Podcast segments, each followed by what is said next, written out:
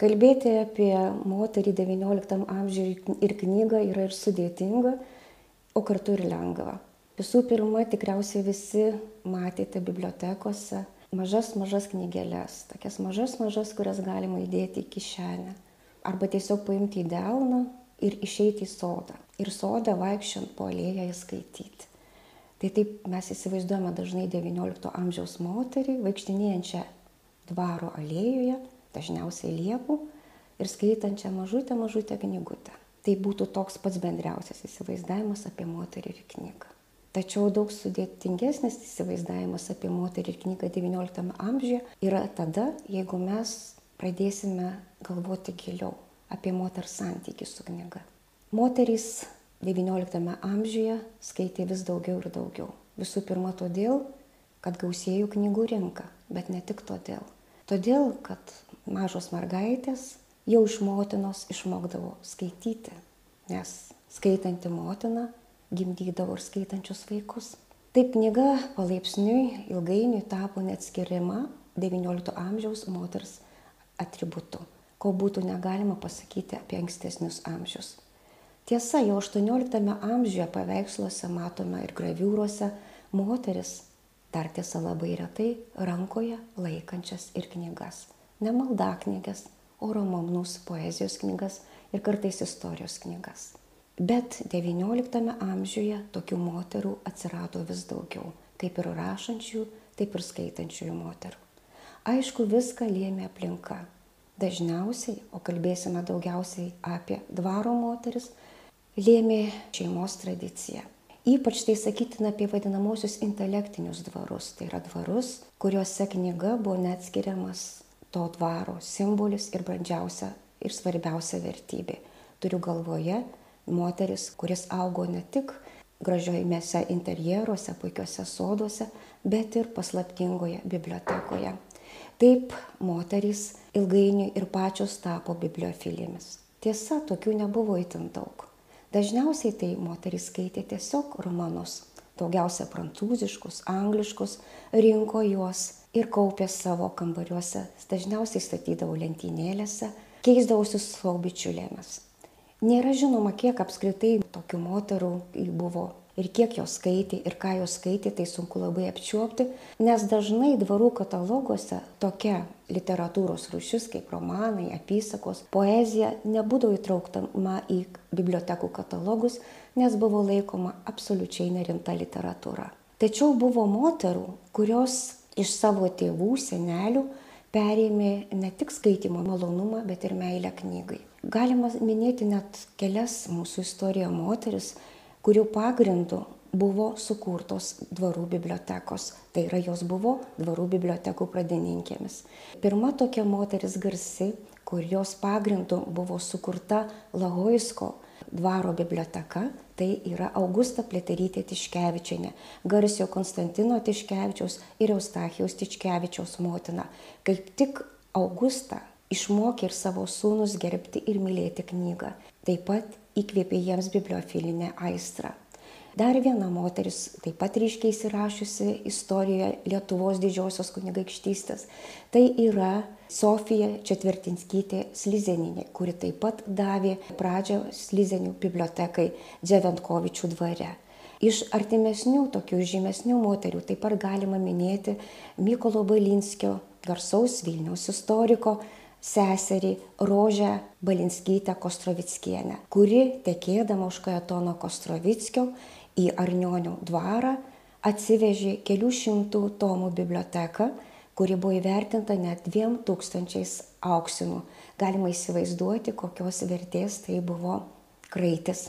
Tai tokių moterų mes žinome kol kas tik tai vienetus, be abejonės jų buvo daugiau. Kaip ir buvo moterų, kurios sudarinėjo netgi savo knygų kolekcijas, savo asmeninių knygų kolekcijas. Čia ypač pasireiškia tokių didikų gimnių moteris kaip Sipio del Campo arba Liubetskiai. Tai buvo aukščiausio lygio bibliofilės ir kolekcininkės. Be abejo, jos sudarinėjo ne tik katalogus, bet ir rūpinosi savo knygų išvaizdą ir įrišimu. Vis dažniau XIX amžiuje galima pamatyti moterų vardus knygų ekslibriusuose. Dažniausiai moterys savo vardus įamžintavo kartu su savo sutoktiniais. Tai yra viename ekslibrisime, viename knygos spaude mes galime matyti kartu žmonos ir vyro pavardę, kurią jungia kaip tik bendras pomėgis knygoms. Tokį bibliotekos bendrą anspaudą turėjo Dominikas Kotska ir Cezarija Hotskienė. Tai tokia pora galbūt dar primiršta mūsų istorijoje, dar nelabai daug išryškinta, bet įdomu tai, kad daug laiko jie praleido ne tik dvaruose, bet praleido ir Vilniuje, Bokšto gatvėje vadinamajame Bokšto dvarelėje. Tarp tokių žymesnių moterų, kurios XIX amžiuje turėjo savo ekslibriusus kartu su savo sutoktiniais, galima minėti ir Kairėnų rūmų šeimininkę Dorotėją Morikonytę Lopacinskinę. Sakau apie ekslibriusus katalogus vien todėl, kad tai rodo nepaprastai didelį rūpestį knyga, didelę aistrą, visiškai tokį vyrišką sakau tai kabutėse požiūrį į knygą. XIX amžiaus moteris tikrai anaip tol neskaitė tik tai romanus. E, didžiulis šaltinis moterų skaitymo e, visai turiniui pažinti yra ne tiek katalogai, kuriuose, kaip sakiau, dažnai moters lektūra mažai atsispindėjo, kiek privati korespondencija. Lietuvos valstybės istorijos archyve saugomas unikalus šaltinis, tai yra spaustuvininkų Zavatskių korespondencija. Dažniausiai tyrėjai žiūrėjo iki šiol tik tai susirašinėjimą garsių vyrų su leidėjais, o iš tikrųjų didelę dalį korespondencijos sudaro tiesiog moterų laiškai, tai yra dvarininkių, bajoraičių, galbūt gubernančių, pensionų mokytojų, kurios užsakinėja pačią įvairiausią lektūrą. Ir iš jos mes galime matyti, koks platus buvo moterų skaitimų diapazonas. Ir krenta akis labai viena svarbi detalė XIX amžiuje, kuri vis stiprėja. Moterį jau nebetenkina tik tai grožinė literatūra, tai yra beletristika, ji vis daugiau grėžiasi į istoriją. Ir istoriniai veikalai sudaro vieną didžiausių užsakomų Zavatskių knygų priekyboje moterų užsakymų dalį. Tai irgi rodo, kad moters intelektinis noras tobulėti vis auga ir auga ir tai rodo ir jos santykis su knyga. Dar vienas toks įdomus dalykas, kurį pastebė XIX amžiuje, tai vis dintėjantis moterų privačių rinkinių kolekcijų dvare bibliotekėlių gausėjimas. Dvaruose moteris savo knygas dažniausiai laikydavo savo kambariuose, buduaruose, lentynėlėje, atskiroje spintelėje, tačiau laikui bėgant tradicija vis gilėjo ir moteris pradėjo kurti, skirti ištisas patalpas kaip tik savo asmeninėms bibliotekoms. Tuometiniai vadovai, kurie buvo skirti moteriams, ypač dvarininkėms, atkreipė dėmesį į ypatingą knygos vertę dvare. Ir Įskaičiavimas labai paprastas, knyga yra labai vertinga visomis prasmės. Tai yra ir investicija, ir kartu yra šviesulys, tai yra pasididžiavimo objektas. Todėl moteris buvo mokama specialiai renginėti bibliotekas. Buvo rekomenduojama vienas knygas dėti perskaitytas į vieną spintą, neperskaitytas knygas dėti į kitą spintą. Taip pat buvo siūloma visada paskolintos knygos vietoje, tuščioje vietoje dėti raštelį, kam knyga buvo skolinama. Buvo moteris mokomos kurti bibliotekoje grožį. Tai yra e, ne tik apsiriboti knygomis, bet ir bibliotekos kambarį kuo gražiau įrengti, kad jis būtų traukos objektų visai šeimai. Todėl vis dažniau kartu su knygomis, sakysime, ir toj pačioj Zavatskio knygų priekyboje buvo sakinėjami ir biustai, kurie papuoždavo bibliotekas. Moteris palengva greta savo sutuoktinio tapo labai svarbia dvaro bibliotekos vieta. Tiesiog dvaro šeimininkė. Aišku, kad moteris palengva tapo visiškai lygiai vertę šio požiūriu su savo vyru. Kaip minėjau, tai rodo ne tik bendri ekslibrisai, ilgainiui atsiradė ir bendri katalogai, kurį traukėme ir žmonos, ir sutoktinio knygų rinkiniai į vieną katalogą. Rodo kartais ir moterų na, tiesiog pasiaukojimas vardant bibliotekos.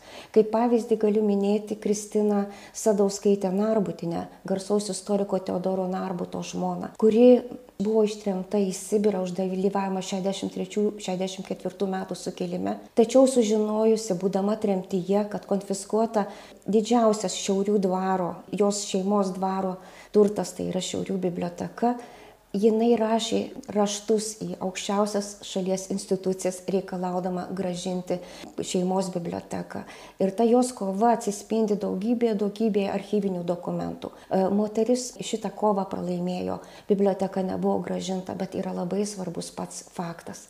Apskritai vis labiau moteris įsisąmonina ypač turint omenyje įtampas kurioje gyveno. Tai yra ir vidinės nuolatinę įtampą šeimoje, rūpeščius, ūkinius, nuolatinės psichologinės įtampas ir išorinės, tai yra sukilimus, įvairius neramumus, kurias tikrai kankino šio krašto moteris XIX amžiuje, jos labiau įsisavina, kad knyga yra pats geriausias draugas ir bičiulis. Pabaigai norėčiau pacituoti Izabelės Čertoriskienės laiško sūnui mūsų universiteto kuratoriui Adomui Jurgiui Čartoriškiai eilutę. Būdama Strasbūrė laiškė sūnus jį rašė, aš tiek prisipirkau knygų ir jų nenustoju pirkti, nes žinau, kad jos visada bus su manim ir jos bus mano geriausi draugai ir jos niekada manęs neišduos.